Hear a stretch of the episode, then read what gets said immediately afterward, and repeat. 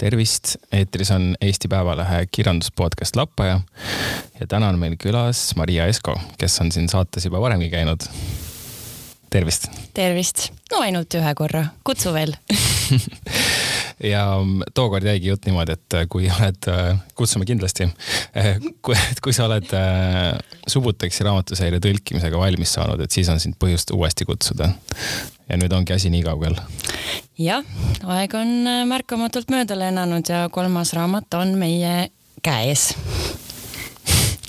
väga tore see on üks asi, millest me täna räägime ja ma lihtsalt ütlen kuulajatele, et me räägime ka Balti kirjanduse almanahist ja räägime ka natuke tööst, sinu tööst siis äh, Loomingu raamatukogus, kus sa oled toimetuse üks liikmetest.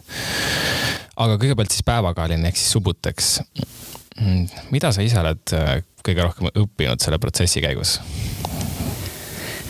minu iseloom on üsna kärsitu ja ma tahan tavaliselt äh, kõike hästi palju ja kohe ja kogu aeg. ja see, kui sa tõlgid ära tuhat kakssada lehekülge umbes, siis sellist terviklikku teost, see õpetab sind olema üksjagu kannatlikum. Et kannatlikkus on olnud minu suur selline mm, Achilleuse kand siiamaani ja seda ma olen tõesti õppinud. ja mida see raamat mulle sisuliselt, see triloogia mulle sisuliselt õpetanud on, on võib-olla äh, sellist äh, hinnangute vaba lähenemist kõigele ja, ja, ja las- ja lahtilaskmist mingisugustest asjadest, millest ma arvasin alguses, et ma olen kindel.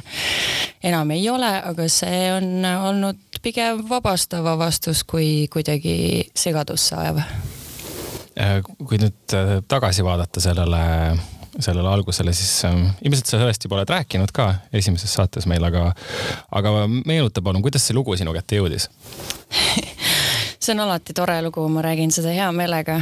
ma istusin Loomingu Raamatukogus tööl. minu vastas istus peatoimetaja Triinu Tamm ja toimetusse astus äh, Varraku peatoimetaja Krista Kaer. ta oli arvanud, et et ma juba tean sellest midagi, aga Triinu ei olnud jõudnud mulle rääkida. igatahes Krista pani minu laua peale ühe raamatu ja ütles, näed, siin oleks nüüd vaja loomingulist ropendamist. ma ei teadnud üldse, millest juttu on ja siis äh, ühesõnaga selgus kiiresti koha peale, et tal oleks vaja äh, tõlkijat sellele triloogiale, mis on siis Virginie Despentes ja Vernon Subutex on see pealkiri. Ma olin selleks hetkeks ära tõlkinud ühe tervik, ei kaks tervikteost, ühe inglise keelest, ühe prantsuse keelest. ja algaja tõlkijana ma esiteks ei tahtnud üldse pirtsutada, eks ju, ma lootsin, et mulle see raamat meeldib. ma tegin selle suvalise koha pealt lahti ja seal oli üks lause, mis mulle õudselt meeldis, ma hakkasin kohe naerma selle peale ja otsustasin, et jah, ma teen selle ära. aga see oli muidugi tohutu risk, sest et ma oleksin võinud veeta ka kolm aastat, mis mul selle triloogia tõlkimiseks kulus, ma oleksin võinud veeta autori ja teosega, mis mulle lõpuks ei meeldi ikkagi. et selle ühe lause ja kärsituse pinnalt ma otsustasin selle vastu võtta. ja elu üks parimaid otsuseid. mis see lause oli? nii, mõtleme, mõtleme. Vernon tunneb naisi hästi ta on nende peal kõvasti kätt harjutanud. teades, et tegemist on äh, naissoost autoriga, äh, mind rabas see, et esiteks äh, ta oli noh, ilmselgelt see Vernon oli siis seal keegi põhitegelane, kui juba pealkirja vaadata, eks ju. ja et ta oli midagi nii nagu sellist nagu kuidagi labaselt seksistlikku või, või sellist nagu lollakat öelnud Mm, lihtsalt äh, nii mööda minnes, et see oli esimene lause, mida ma märkasin ja see ajas mind nii naerma just sellepärast, et äh, tegemist on naisautoriga.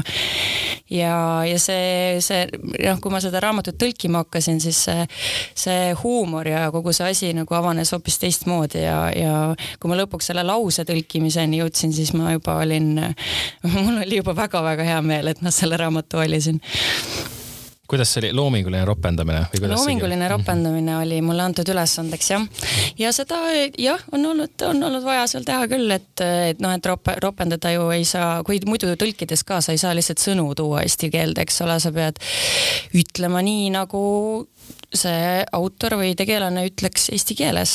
Ähm, ja ropendamisega on veel selles mõttes huvitavamad lood, et, et kui keegi ikkagi laseb kuuldavale spontaanse sõimuvalingu, mm, sul ei ole mõtet neid sõnu tõlkida, sa pead lihtsalt ropendama samamoodi eesti keeles. sama emotsiooniga. sama ütleme. emotsiooniga ja kandma siis võib-olla sama solvavat äh, sisu edasi äh, siis meile omaste sõnadega, aga, aga need ei olnud sageli ka üldse mingid, mitte käiberoppused, mida seal tuli lahendada, vaid nagu täiesti täiesti fantastilisi kujundlikke värvikaid nagu tõsiselt lirtsuvaid roppusi. see oli, see oli mõnus väljakutse, et sellel on oma, oma heliline ja keeleline võlu. ehkki mulle on püütud muidugi selgeks teha, et sellel ei ole mingisugust kirjanduslikku ega keelelist väärtust, aga ma julgen vastu vaielda. päriselt? jah, mulle on, mult on küsitud mult on küsitud ühel esinemisel, et, et hästi, see on kõik väga tore, mis te räägite, aga kas te ei leia, et seda roppust ei peaks kirjasõnas olema või et seda on niigi palju, et seda rõvedust, et miks, miks on vaja nagu seda veel tuua siia juurde? ja noh, minu seisukoht on see, et, et ega mitte keegi ei pea seda lugema, kui talle ei meeldi, ma ei taha, et keegi pressiks seda raamatut endale sisse, kui talle lihtsalt ei sobi see, kuidas siin öeldakse ja mida siin tehakse, aga ropendamine on meie keele osa, see on olnud seda alati. See on, see on meie eneseväljenduse viis ja üks ausamaid ja puhtamaid sealjuures, sest me sageli ei suuda kontrollida seda, mis me ütleme. ja see on see osa keelest, mida me vahel ei taha kontrollida, vahel ei suuda kontrollida. ja see on, see on aus minu meelest, kui seda maha suruda, siis siis me valetame endale ja kõigile teistele. Öeldakse ka, et äh, ropendamisel on vägi sees, et need äh, sellised nii-öelda rumalad sõnad jutu, jah, vägisõnad just, et, et sealt, äh, et sealt see tuleb, et kui neid sõnu kasutada, siis aktiveerub ajus mingisugune selline ürgne keskus ja see on tegelikult väga võimas, võimas emotsioon, mida siis vallandada just see on see koht, kus me unustame ära, mis me oleme keeles nagu kokku leppinud võib-olla ja me lihtsalt paneme toorest jõudu nendesse oma väljendusviisi ja, ja kui tuleb hetk, kus me ei suuda muud moodi väljenduda, kui kasutada kõige nagu rõlgemaks peetavaid sõnu üldse ja moodustada neist mingeid mahlakaid kujundeid veel sealjuures, siis, siis ma, ma julgen öelda, et sellel on kirjanduslik väärtus ja sellel on, sellel on väärtus ka lihtsalt keeleliselt ja seda tuleb talletada, sest et inimesed on leidlikud. see ürgne osa meie keelest, mida me kasutame kogu aeg, ehm, see ju muutub pidevalt, eks ju. inimesed ei ropendanud viiskümmend aastat tagasi samamoodi, nagu nad teevad seda täna, aga fakt on see, et nad on kõik alati ropendanud. ja mulle meeldib, kuidas see autor on talletanud äh, oma kaasaegset kõnepruuki, mis ju ka ühel hetkel, ta on ju lihtsalt üks kaader, ta on jäädvustatud kaader sellest kõnepruugist, mis muutub pidevalt. ja ma püüdsin äh, sama mõttega seda ka edasi tuua kogu aeg mõelda, kuidas keegi minu vaimusilmas ropendaks. minust vanem inimene, minust äh, teistsugune inimene, minust noorem. et see käis kogu aeg kaasas, mõttetöö. vaadates, kuidas Depant seda teeb, siis äh, tegelikult see, see on ka naljakas kuidas nad ropendavad, need tegelased, et sellel on ka alati huumori juures, et ropendada saab ju väga inetult ja väga rõvedalt, aga see, kuidas tema on seda enda tegelastele, enda tegelaste suhu selle teksti või seal need sõnad pannud, siis äh, see joonistub välja ikkagi väga-väga humoorikalt, et ta paneb ka kõigile puid alla, kõigile enda ja. tegelastele, kaasa arvatud iseendale. ehk siis sealt kokku tuleb selline väga lõbus, noh, kohati ka tragikoomiline selline kompott. see on üks tema väga minu jaoks tänuväärseid võtteid ka, kuidas tõmmata pinget maha olukorras, kus ta tegelikult lahkab väga tõsiseid probleeme. E, see raamat ei ole lihtsalt roppuste käsiraamat, seda roppust on seal nagu protsentuaalselt e, tegelikult väga vähe. E, ta on lihtsalt, kui teda on, siis ta on lõbus. aga, aga tegelikult Depont on võtnud väga ambitsioonika ülesande lahendada üsna eksistentsiaalseid probleeme ja praeguseid kriise või kuidagi panna neid paberile teatud vaatepunktist, ta ei arva tegelikult, et tal on millelegi lahendus, ta lihtsalt kaardistab neid, ta annab mingisuguse perspektiivi asjadele ja mida rohkem erinevatest vaatepunktidest me mingeid asju näeme, seda rohkem nad meile ka kuidagi avanevad. ja, ja kui on vaja väga-väga traagilisest hetkest tõmmata tõmmata meid nagu mülkast tagasi või noh, sinna kuidagi elulise just tragikoomika juurde on ju, selle koomika osa juurde, siis, siis see värvikas kõnepruuk on üks võtetest, mida ta kasutab. Jah, tal on, tal on ka sümpaatia kõigi oma tegelaste vastu jah mitte keegi ei pääse tema, tema siuksest armutust lahkavast teravast skalpellist, aga samas on ka noh, seal taga on kogu aeg selline mõistmise soov. Selle tõi ka jah, Jürgen Rooste selle kolmanda osa esitlusel välja, mul on meeles ja mulle meeldis ka väga, et ta võrdles äh, neid tegelasi naksitrallidega. Jaa, see see oli tõesti tore võrdlus jah jah, aga sa oled juba öelnud, kes on su lemmiktegelased, aga ütle palun kuulajale ka, et kes, kes sulle võib-olla kõige hu või huvitavamad, nad ei pea olema sul lemmikud, aga kes võib-olla niimoodi välja joonistusid selle triloogia jooksul, sest et siin on palju tegelasi ja kui lugeda, siis kohati võib, ähm, võib nagu isegi, teises raamatus hakkas see mind nagu häirima, aga kolmanda raamatu jaoks ma kuidagi jällegi harjusin ära sellega ja ma tundsin, et see kõik oli nagu õigustatud, et see andis nagu mingi väga sellise üldise sõnumi edasi just, et ma sain aru, miks ta seda tegi jah, see, see, et siin ei ole kangelasi ja väga keeruline võib-olla vastata küsimusele, kes on sul lemmiktegelane, sest me oleme võib-olla mingist ajast harjunud eelistama kangelasi, eks ju, neid, neid siin tõesti ei ole. minu jaoks siis nii-öelda lemmikud on pigem need, kellest mul on kõige raskem aru saada, et äh, muidugi mulle omasemad on need, kellega mul on rohkem ühist, aga aga põnevamad tõlkida olid tegelased, kellest mul on raske aru saada, kes ei kes kehastavad endas neid äh, probleeme, mis, äh, mida me ei taha kuulda tavaliselt, me ei taha kuulda, miks äh, mees naist peksab, me tahame, et ta ei teeks seda. me tahame, et ta läheks ravile või läheks peitu, vangi, igale poole lihtsalt, et teda ei oleks ja me ei taha teada, mis ta õigustused on. aga siin on selliseid tegelasi ka ja, ja need muutusid mulle, võib-olla nende arengulugu muutus mulle kõige armsamaks. ja muidugi see peategelane ise, appikene, no tema on mulle kõige rohkem õpetanud sellest, mis asi on äh, nagu lahtilaskmine ja ise ja, ja kuidas elada, noh kuidas proovida elada nii, et sa ei topi oma nina teiste asjadesse, et sa ei tee kellelegi haiget ja püüad ise kuidagi, püüad ennast äh, säilitada ja leida. Vernon jah, tõesti selline ma ei, ei teagi nüüd, kas äh, selline Ivan Duratšok, et selline lollike või, või geenius või, või selline zen, zen master, et kes räägib ta siis on? räägib vähe, tavaliselt äh, väldib sõnavõtte, tahab lihtsalt olla mõnusasti äh,. ülejäänud maailm muidugi üritab ta elu korraldada, mõjutada ja laiali paisata, eks. aga ta on tõesti selline sammalhabe, väga rahulikult võtab asju. ja, ja tema juures hinnataksegi seda, et teised tegelased imestavad ka raamatus, et et huvitav, miks selle inimesega on nii nii hea koos olla. ja vist sellepärast ongi, et see tegelane ei püüa, ei püüa kedagi elama õpetada. tal ei ole kellelegi midagi ette heita see, seda ei kohta väga harva, ta ei anna hinnanguid ja ma ise, ise kindlasti enne seda tõlkimist kippusin palju rohkem maailmale ja inimestele hinnanguid andma ja ma kindlasti teen seda nüüd ka. kasutan äh, väljendeid inimeste kohta, mida ma tegelikult ei mõtle, aga, aga see on muutunud või noh, et ma olen seda tähele hakanud panema ja teistmoodi natuke suhtuma sellesse omadusse, mis meil on, õpetada teisi elama. oskad sa ka rääkida sellest taustast natuke, et miks Stepan sellise triloogia kirjutas, mis teda motiveeris või, või mis oli tema selline soov seda, seda tehes?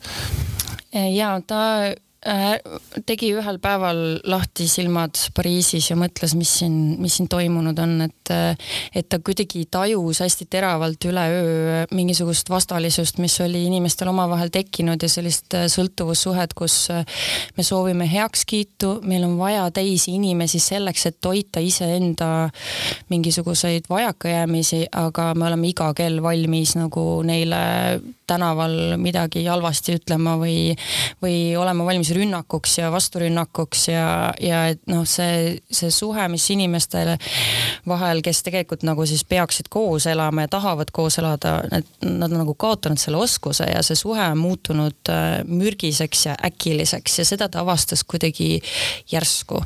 ja see sundis teda kirjutama seda triloogiat, et, et lahti mõtestada seda, mis võib olla juhtunud ja kas me saame kõiges süüdistada äh, rahvaste rännet ja immigratsiooni, no neid küsimusi tal hakkab siin kõvasti, et ja aga nagu püüdmata välja selgitada süüdlast, vaid et panna ennast ja võib-olla ka siis lugejat nägema, et me, meile kuluks kõigile üks peeglisse vaatamine ära jah, ta toob sellist võib-olla üldinimlikku mõõdet äh, sellesse, ma ei tea, poliitikasse.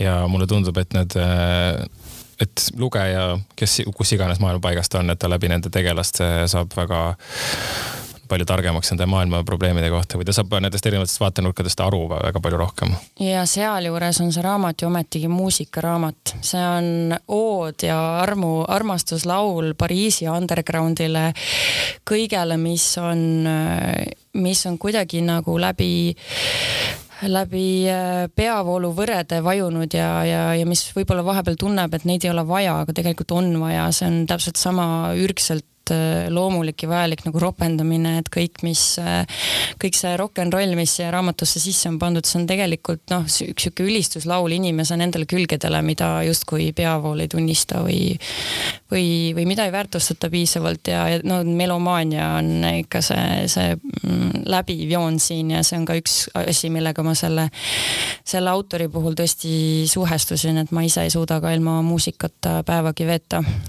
no mis päevagi, tundigi. et, et see, see on, see on tegelikult selle raamatu peategelane ikkagi, muusika. jah, see on selline kandev, kandev jõud ja rock n roll on, on ka hästi öeldud, et nad on sellised äh, põhjusega, põhjusega mässajad, erinevad inimesed, kes tulevad kokku ja jah, ma ei, liiga palju ei tahakski reeta, sest võib-olla keegi, võib-olla kõik ei ole lugenud seda. ja, ja pealegi see on nii mõnusalt mitmekihiline raamat, et, et kui lugeja mm, ei leia sealt üles neid asju, millest me just rääkisime, siis ta leiab kindlasti midagi muud. ja kui ei meeldi üldse, siis on võimalik võtta mõni teine raamat kätte see on ka täiesti võimalik. aga teemegi seda praegu, äh, võtame kätte järgmise asja, millest me tahtsime rääkida ja selleks on siis äh, Balti kirjanduse almanah No More Amber ehk siis kas ma peaksin ütlema midagi sellist eesti keeles, et aitab merevaigust või? ei, see tahab, see on loosung, et, et kui meil on vanalinn, tegelikult kõigi kolme Balti riigi pealinnad on täis ähm, suveniiripoode, kus on, äh, mille nimeks on Baltic Amber või midagi, siis noh, see on nagu, äh, me üritame röökida maailmale, kes meid väljastpoolt vaatab ja kes meist eriti midagi ei tea. meil ei ole merevaiku, meil ei ole ammu enam merevaiku, ma ei tea, mida nad seal poes meres müüvad, aga see ei ole Balti merevaik. ja mis seal taga on, on siis nagu äh, kuidagi see soov, et, et noh, mida me äh,, mida üldse meie kohta saab öelda et mis meid ühendab peale selle, et meil on mingid geograafilised paratamatused, mingid müüdid ja siis loomulikult ajalugu, mis, mis meid ühendab, eks ju. aga kui me nüüd selle toimkonnaga, mis koosnes siis kolme riigi Balti kirjanike liitude esindajatest mm, üritasime seda kontseptsiooni välja mõelda, siis me saime nii palju naerda selle üle, et tegelikult me ei oskagi nagu midagi, me ei tea, mis meil ühist on, nagu me ei, tea. ja siis meil tulid nagu siuksed naljakad müüdid meelde, mida keegi on kuulnud. Ähm, noh, me tegelikult äh, kõik oleme, kõik oleme neid kivinenud müüte kuulnud ja see No More Amber ei taha tegelikult üldse sihuke agressiivne ega tige olla, vaid see tahaks äh, läheneda asjale kohe eos koos lihtsalt läbi mingisuguse huumori või kerguse. et, et tegelikult meil ei ole merevaiku, aga vaadake, mis meil on mis sinu roll siin täpselt selle raamatu juures on, ma küsin, küsin ka selle ära sissejuhatuseks. see see, selle Almanachi sünnilugu ulatub kahe tuhande kaheksateistkümnendasse aastasse umbes. noh, meil oli Kirjanike Liitudega selline ilus koostööprojekt, kus me külastasime üksteise kirjandussündmusi ja, ja üritasimegi välja joonistada seda, et mida võiks olla meie ühisel kirjandusmaastikul vaja, et, et kuidas see, kuidas see su-, see suhtlus, kirjandussuhtlus nagu mm, noh, kuidagi viljakas oleks meile omavahel ja, ja et mida, mida me, kuidas me üksteiselt õppida saame ja siis, äh, ja siis mina olin lihtsalt selles Eesti, ma olin see Eesti-poolne ko koordinaator, olen olnud kolm aastat. ja, ja ma olin äh, selle idee sünni juures, et me olime Leedus Truskininkais äh, luulefestivalil. oli selline varajane hommikune koosolek, me olime kõik luulepidustustest natukene väsinud, aga tahtsime õudselt midagi lahedat välja mõelda. ja siis kuidagi see seltskond, kes seal koos olid, mm, seal tekkis selline kelmikas sünergia, et me hakkasime hakkasime kohe ideid pilduma ja hops, kui kõlas mõte, et et meil oleks vaja ühi-, ühiskirjanduslikku ähm, ajakirja, mis oleks inglisekeelne, mis tutvustaks meid ähm,, meie kirjandust maailmale, siis kõik võtsid sellest tuld ja selles seltskonnas olid ka inimesed, kes, kellest siis lõpuks said selle ajakirja tegijad. ehk äh, toimetajad Berit Kašan, Tom Streibergs ja Marius Purokas ja äh, kaks kolmest äh, äh põhitõlkijast ka. või no Adam Cullen, kes on siis meie Eesti, Eesti, eesti kirjanduse üks põhitõlkijaid praegu inglise keelde. tema oli seal kindlasti ja siis loomulikult kohe haakusid külge ülejäänud kaks musketäri, kes on ka ameeriklased, kes on siis äh, Jade Will ja Rimas Uzgiris, kes siis vastavalt tõlgivad ähm, äh, Läti ja Leedu kirjandust inglise keelde et jah, see, ühesõnaga mina olin lihtsalt selle sünni juures ja aitasin, aitasin seda ilmale tuua. see, mis siis praegu meie käes on mõlemal, siin on esimene väljaanne. just, see on esimene number. töötame teise numbri kallal. Millal see võiks äh, ilmavalgust teha? no ma loodan, et aasta pärast tegelikult meil on mõtteid äh, rohkem kui no ma ei tea, meil on mingi kümne numbri jagu mõtteid ja meil on inimesi, kes on sellest, äh, selle, selle energiaga kaasa tulnud ja kõik on imestanud, et kas meil tõesti ei olnud sellist väljaannet enne. ja ega ma ei anna pead, võib-olla keegi tuleb kuskilt ja ütleb, et tegelikult aastal üheksakümmend kolm seal kuskil midagi sellist ilmus. aga see on täiesti nähtamatuks jäänud ja me tahame teha sellist asja, mis ei jääks nähtamatuks. nii et kui keegi midagi tegi aastal üheksakümmend kolm, siis andke teada. ja tulgem, võtaks kohe süü omaks, ütleks, et see ei ole kõige esimene ingliskeelne Balti kirjanduse almanah, aga praegu tundub, et on. praegu siiski tundub, et on, eks ju siis sa ütlesid, et see on natuke selline humoorikas ja kui, kui seda lugema hakata, siis tõepoolest siin äh, on äh, nii siis Läti kui Leedu äh, ja kui ka Eesti need tõlkijad on nemad, eks ju, kes on sissejuhatused teinud, on kõik teinud. kaks toimetajat ja üks tõlkija. kaks toimetajat, üks tõlkija on teinud sellise üsna, võib-olla sellise lõbusa sissejuhatuse ja samas öelnud, et võib hakata nüüd lõõgastuma ja siis lugema seda. ja esimene tekst jällegi on äh, Karl Ristikivi, kes on üks hingetööst on see katkenud onju, üks Eesti noh, kindlasti ma ütleks paremaid raamatuid läbi aegade et räägi sellest ülesehitusest veidi. ja no ega me ei tulnud ju nalja tegema tegelikult siia, lihtsalt tahtsime seda energiat edasi anda, mille pinnalt see sündis, et see ei olnud selline tõsine akadeemiline nagu ponnistus, et äh, nii, nüüd me äh, arvutame natukene äh,, vaatame, hääletame nimistuid ja mõtleme, kes nüüd on need, keda siis panna mustvalgete kaante vahele mustvalgesse šrifti vaid äh, see tuli tõesti siirast nagu huvist ja soovist äh, midagi võimalikult värvikat kokku panna. et me tahtsime siia panna, kaasata loomulikult nii klassikuid, kes on täiesti vaieldamatult äh, meie kolme kirjandusmaastiku nagu noh, ikka pff, tugevad tammed, eks. aga, aga me tahtsime ka kindlasti tutvustada täiesti verivärsket ja verinoort Äh, natuke punki äh, loomingut. näiteks kõige noorem autor, kes siin on, on, on siis Kirill Seetsis, kes on sündinud, saad sa aru, Peeter, tunne ennast vanana nüüd praegu. Kirill Seetsis on sündinud aastal kaks tuhat ja aga no ühesõnaga, et kõik, kõik autorid, kes siia on siis nagu valitud jube. Õudne, eks, mis asja. Aga tohutult andekas inimene. Äh, et noh, kõik autorid on siia põhjusega jõudnud, aga me kindlasti ei, me isegi ei tul-, nagu ei tulnud korrakski selle peale, et me üritame ammendavalt näidata ära kõiki oma kõige paremaid autoreid, meil on suurepäraseid autoreid nii palju, et see almanah äh, võiks elutseda veel sajandeid. et äh, see on lihtsalt üks ülevaade, see on kolme, kolme toimetaja koostöös sündinud valik ja kusjuures isegi see järjekord, järjekorra ka me, me nuputasime, nuputasime igasuguseid võtteid ja lähenemisviise, kuidas seda järjekorda paika panna. Äh, selle almanahi järjekord tegelikult sündis äh, nii, et me tõmbasime need nimed kaabuse eest välja jah, sest et ähm, me saime aru, et see nüüd ikkagi, mis, mis järjestuses need autorid, kes on niigi, esindavad nagu nii erinevaid äh, kirjanduse ruume, et see, kuidas nad on järjestatud, äh, noh, see, see meie, meie mõistus ei võta seda, kuidas seda, mm, kuidas seda järjekorda paika panna ja kõige õiglasem kõigi suhtes tundus loosida välja see järjekord. aga need autorid muidugi ei ole siia üldse suvaliselt valitud, vaid, äh, vaid see on lihtsalt jah, tõesti kolme toimetaja kätte usaldatud ülesanne ja nad said sellega minu meelest suurepäraselt hakkama. jah, lihtsalt see ristikivi, kuna see on siin alguses, minu meelest see läheb väga hästi, hästi üle sellest Adam Cullani enda sellest mõti, mõtisklusest ja, ja aga, aga mis need ühisjooned võiksid, võiksid olla, sa ütlesid, okei okay,, merevaik see ei ole, sellest me saime aru, aga, aga sellist, siin on ju alguses küsitud ka enne, enne seda, kui iga siis autor saab sõna või kui tema tekst tuleb, on ju küsitud ka, et mis, mis siis tema jaoks on see Balti, noh, neli küsimust on esitatud kõigile ja, ja, ja üks neist on siis see, et mis see Balti riike või baltlust, mis iganes see sõna võiks olla, ühendav joon on.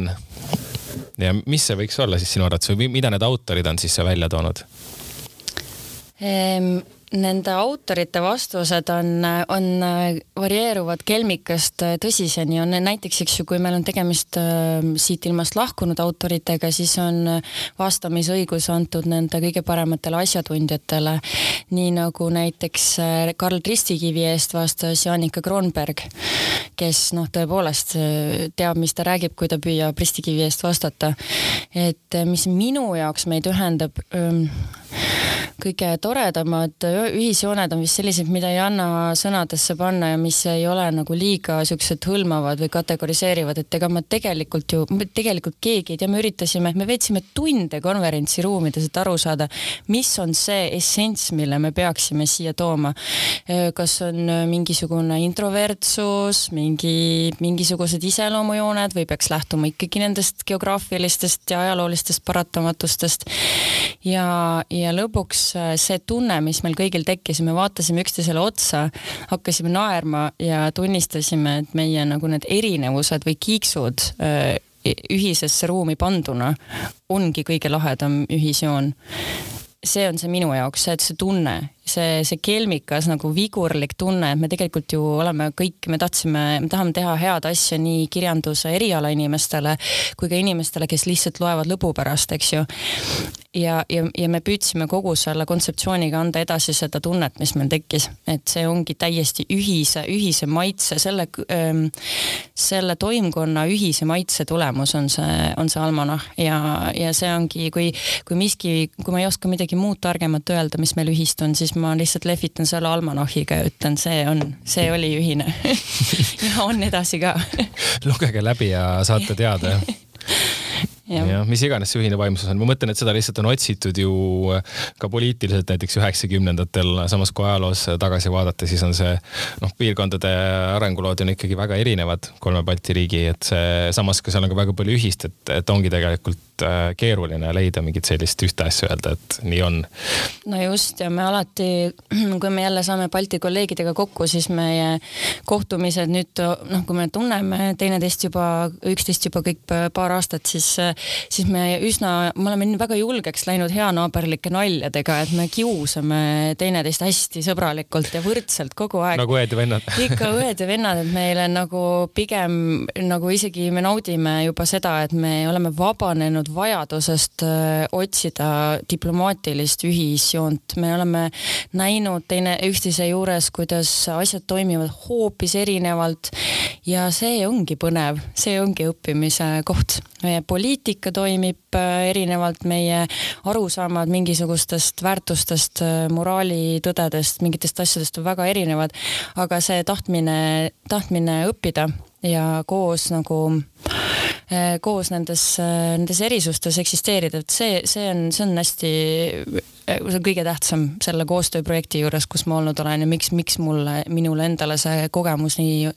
nagu väärtuslik on jah, tegelikult on ka raske seletada välismaalastele eriti, kes on suurematest riikidest ja kaugemalt, et see ei ole päris selline üks, üks piirkond, et, et need äh, väga erinevad, äh, väga erinevad autorid.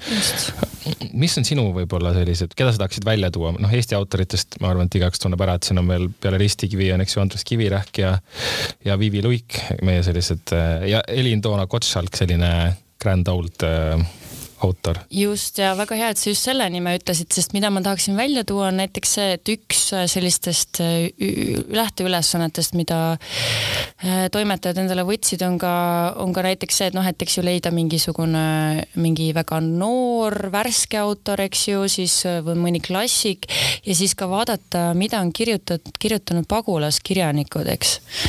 noh, näiteks lätlastel on selline kirjanduslik grupeering nagu Hell's Kitchen, mis tegelikult ei ole neile endale võetud, endale võetud nimi, vaid äh, see on piirkond Manhattanil, kus, äh, kuhu kogunesid siis pärast teist maailmasõda Lätist põgenenud äh, kirjanikud ja kus nad hakkasid siis ühiselt tegutsema. et see, selliseid ülesandeid nad endale võtsid ja näiteks äh, siin, siin üks Läti autor Sven Kuzmins, kes siin esineb Sven Kuzminsina, tema on kirjutanud novelli mm, just täpselt selle almanahi jaoks, spetsiaalselt selle jaoks kirjutas novelli ja seal on ka antud au Hell's Kitchensi autor autoritele. et jah, see on et noh, mingisuguseid ülesandeid loomulikult äh, need toimetajad võtsid endale sisuliselt ka ja meil on järgmiseks numbriks planeeritud isegi selline suurem, äh, suurem terviklik nagu ühisjoon, äh, mis on siis identiteedi küsimus, aga kuna see on nii suur ja lai identiteedi segadusi, võib olla väga mitmesuguseid, siis me alles hakkame seda kuidagi piiritlema ja, ja koondama seda nimekirja nendest autoritest, kes seal võiksid olla see on jah, üsna keeruline küsimus, identiteet, kas on siis mingi paiga või, või rahvuslik või äh, mis, mis iganes, et äh, jah. jah, et kui ühe, ühe identiteedi küsimuse juurde jääda, siis leiaks ka kindlasti raamatutäie suurepäraseid autoreid, aga me püüakski võib-olla neid äh, avada ka seda, et kui palju paljudes, kui paljude aspektide juures võib tekkida identiteedi küsimus. kust seda raamatut äh, leida üldse saab või kus, kus seda levitatakse? ajakirja siis tegelikult ma peaksin ütlema. et mitte väga ülbeks minna, siis me oleme alustanud väikestest poodidest, et, äh, et näiteks Tallinnas leiab selle raamatupoest Puent ja raamatupoest Read. Äh, ja Tartus on see müügil biblioteegis ja nüüd, kus, äh, kus meil on kõik eksemplarid käes, mis on, mis on Eesti toimkonnale mõeldud, siis ma, siis me ilmselt äh, pakume seda veel mõnele poele. aga kuna me tegime tiraaži tõesti esialgu ettevaatlikult, et näha, kas üldse huvi pakub, eks ju, ja kui, kui suur see huvi on, siis me, siis me praegu oleme piirdunud hästi väikeste raamatupoodidega ja, ja Lätis ja Leedus samamoodi. ja natukene üritame areneda ka väljapoole, et võib-olla leiab meid varsti Amsterdamist ja võib-olla leiab varsti Londonist, aga, aga me otsime jah, siukseid indie, indie-poode esialgu. Väga lahe, minu meelest on see väga põnev, äh, nagu ma soovitaksin kõigil seda lugeda, sest väga tihti me ei tea ju oma naaberriikide kohta mitte midagi, samamoodi nagu me reisime kuskile kaugele teise maailma otsa, a la mingi Taisse või kasvõi Lõuna-Ameerikasse, aga samas ei ole käinud Lõuna-Eestis või Saaremaal, et see on, see on mingi sarnane asi, et oma naaberriikide noh, kirjanduselu tundmiseks on see väga hea. Jah, ega ma, ma pean ütlema, et ma ei teadnud ka enne selle projektiga liitumist äh, naabermaade kirjandusest väga palju ja mind sundis ütlema jah sellele pakkumisele see, et no ma tahaks teada. ma, ma võiksin teada, mitte peaks, aga, aga võiksin teada. ja ma olen väga palju põnevat leidnud, ma olen ja mitte ainult kirjanduses, ma ütlesin, et ma olen melomaan, ma olen väga palju avastanud põnevat Leedu-Läti muusikat sealjuures. sest et noh, sellest äh, koostööprojektist on välja kasvanud sõprus niimoodi, et me tõesti suhtlemegi väga sagedasti, peaaegu igapäevaselt ja jagame omavahel muusikasoovitusi. hästi vahva oli see näiteks, kuidas äh, minu siis äh, Leedu äh, kolleeg, kelle nimi on ka Maria, käis, käis Tallinnas plaadipoodides tuulamas ja siis saatis mulle kodust pildi ja soovitused. oi, ma avastasin nii hea plaadi, kas sa tead seda bändi? ja see plaat, mille ta avastas, on mu sõprade bänd Juur mida, mida ma absoluutselt armastan, eks ju, et, et see oli tore avastuse koht, et midagi, midagi ühist. ja samamoodi lihtsalt minu, minu maailmapilt on avardunud kolme riigi kultuuri võrra väga kiiresti ja väga meeldivas suunas jah, saab ju kokku panna ka muusika ja luuletuste lugemist näiteks või midagi sellist. jah, just muidugi. Kirjandus ja muusika on nii lähedaselt seotud omavahel, et ja üldse igasugune kultuuriline läbikäimine, ma ei tea, minge lihtsalt Vilniusesse jalutama, värske puhanud pilguga, te näete, kui ilus see linn on, ma, ma käisin seal viimati lapsena enne seda projekti ja ma ei, ma ei mäletanud mitte midagi, aga siis uue pilguga vaadates see on meeletult ilus linn ja Riia samamoodi olen väga nõus, Vilniuses olen käinud, mõned aastad tagasi küll juba Riias käin, katsun igal aastal käia, see on üks mu, üks mu lemmiklinnu mm., ma isegi julgen väita. Ja Põhja-Lätit ka väga armastan. Mm.. tahtsin öelda, kuna me tegelikult rääkisime sellest noh muusika ju ja muusikakirjandus on seotud mõlema siis teose puhul, millest me oleme praegu rääkinud. ja siin autorite käest on ka küsitud, et kas keskkond äh, mõjutab, kus nad kirjutavad ja mõned ütlevad, et ei mõjuta, mõned ütlevad, et ikka mõjutab.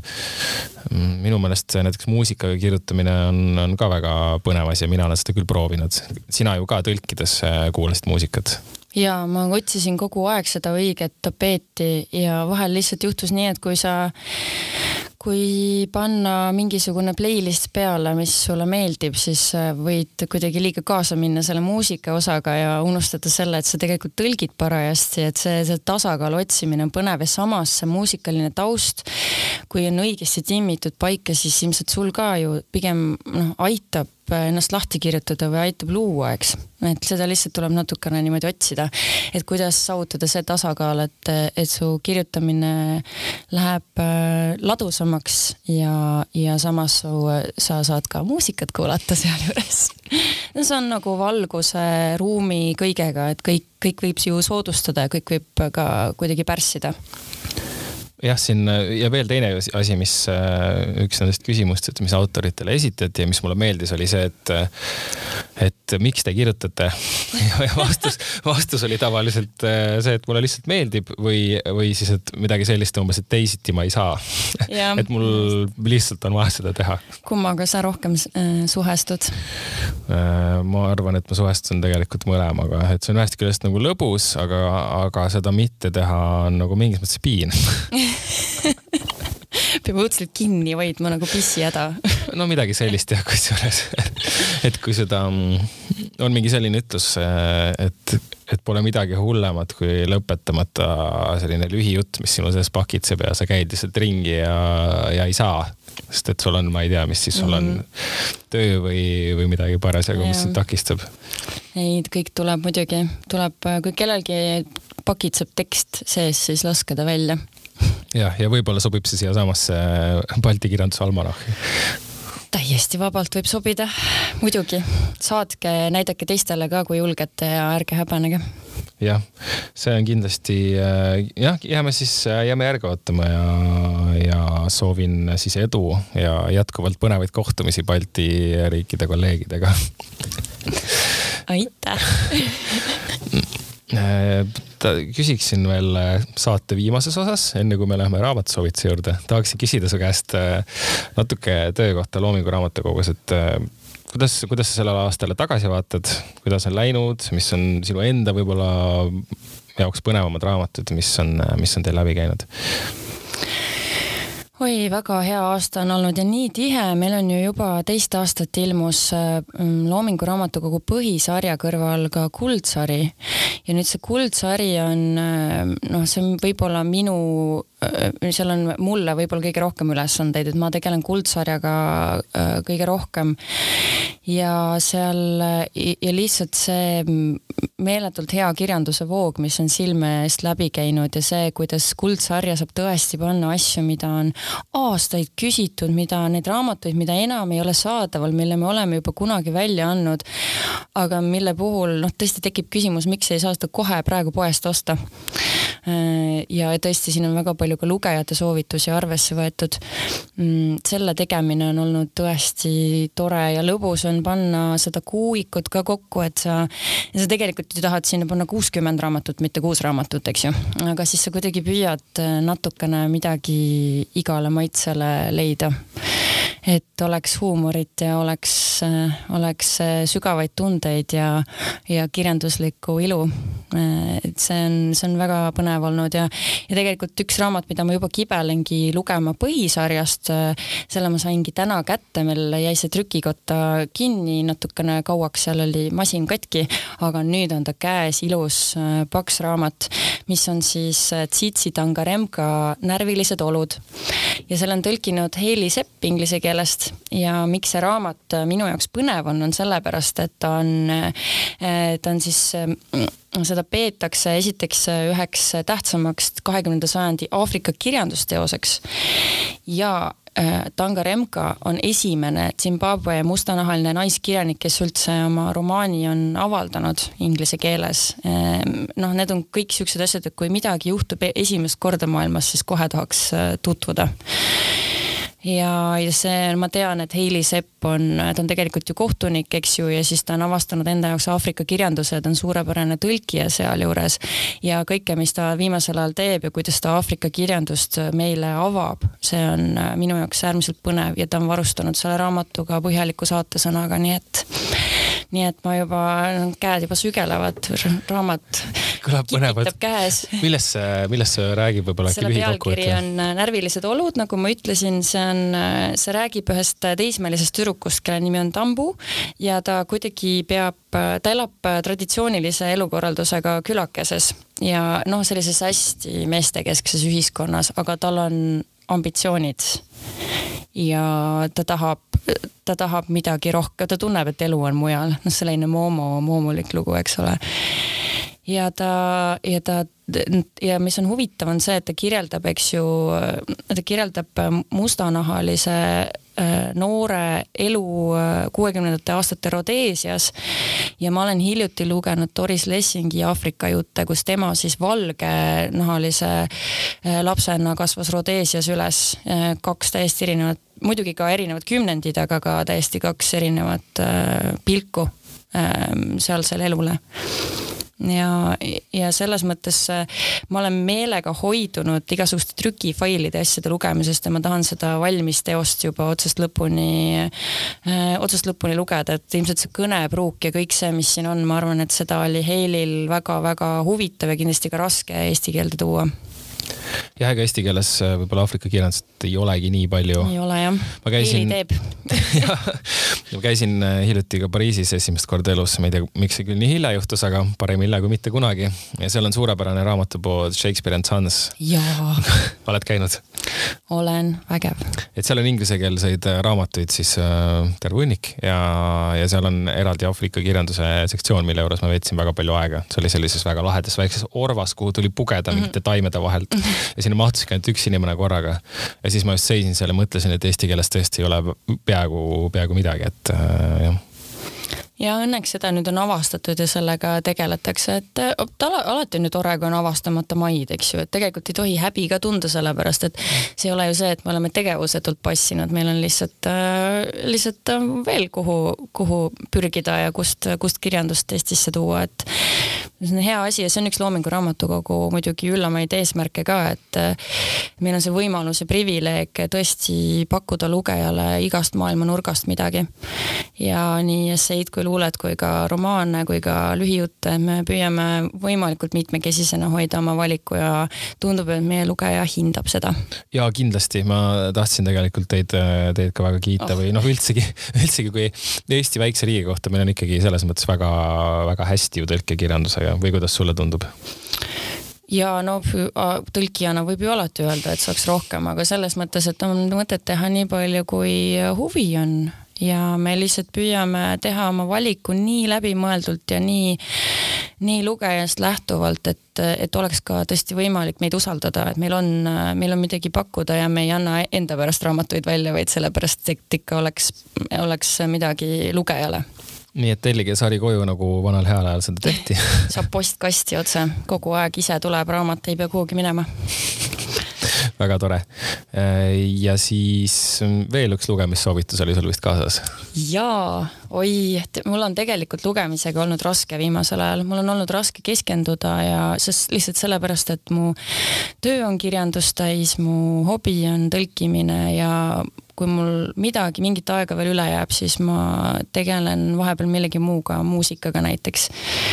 aga üks raamat, mis tõestas mulle, et ma ei ole kaotanud lugemisoskust, vaid mul on lihtsalt võib-olla vaja mingisugust eriti kiisuga torget otse, otse kahe silma vahele, on Kiva kummiliimi allikad mis ilmus nüüd just kaks nädalat tagasi äkki.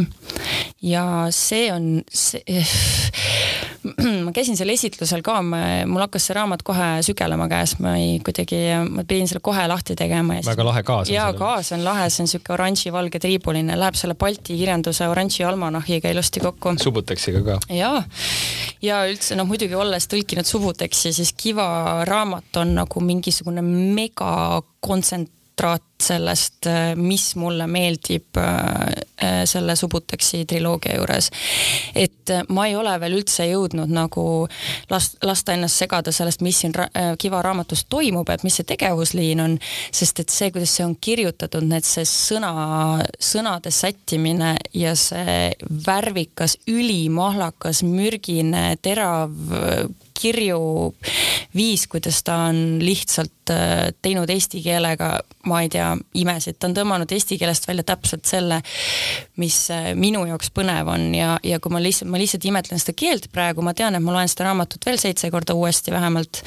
E, et siis järgmine kord võib-olla ma vaatan ka, mis siin äh, raamatus tegevusliin on, aga praegu ma olen lihtsalt igas lauses kinni ja, ja imestan, et no muidugi Kiva on siin selle raamatu eest ka võitnud romaani, Kirjanike Liidu romaanivõistluse eriauhinna just keele ja stiili ja sellise leidlikkuse pärast, eks. ma arvan, et siin on, siin on veel kõvasti auhindu, mida ta võiks selle raamatuga võita, see on tõesti midagi, noh, täiesti, ma ei ole mitte midagi sellist mitte kunagi lugenud, väga äge raamat. see kõlab väga hästi, äkki sa siiski natuke, sa ütlesid, et sisu sa, sisule ei pööranud nii palju tähelepanu, aga natuke räägid sellest sellest, mis see, mis see umbes see tegevustik on? me kohtume siin sellise väga väga underground maailma äh, imedema Alice'iga kes, no kui ma seda raamatut loen, loen, mul tuleb ette mingisugune kulisside tagune Salme, vana Salme kultuurikeskus, kus tolmuste lavakardinate taga on igasugused äh,, igasugused köied, masinavärgid, mingisugused asjad krigisevad, naksuvad, kägisevad, igal pool mingid lõhnad on kuskil.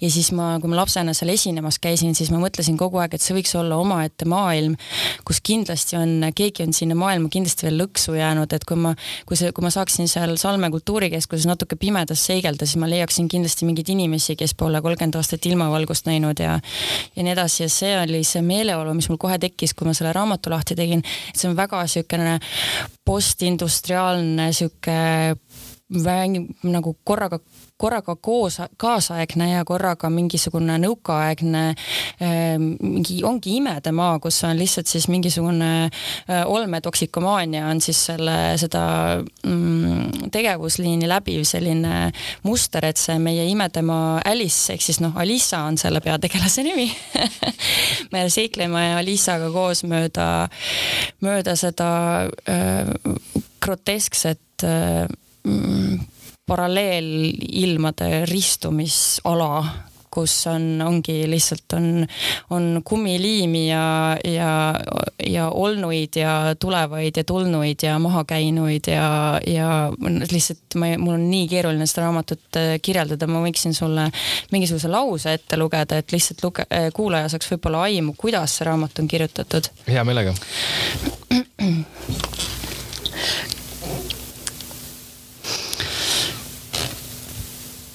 kogu impeerium mädanes sajaga nagu see värdjalikult hallikapruuni tooni prügikast siin.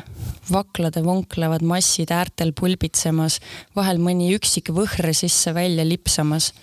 see lihtsalt iga lause on nii, nii värvikas, et sa, kui sa püüad seda kõike ette kujutada, siis sa lõpuks ei oskagi seda kirjeldada. ma lihtsalt soovitan seda raamatut äh, kasvõi natukene lugeda, sest et siis te saate aru, miks ma jään äh, kirjeldamisega hätta see kõlab väga põnevalt äh, ja loodame Kivaga ka vestelda siin saates. ja tehke seda, palun, ma kohe ootan väga seda saadet ja lõpetuseks tahaksin küsida sinu käest veel äh, edasiste plaani kohta, plaanide kohta, ma tean, et sul on äh, kavas pärast Subuteksi üks järgmine tõlge. palun räägi sellest lähemalt jah, ma ei saa sellest Virginie Despentist äh, üle ega ümber.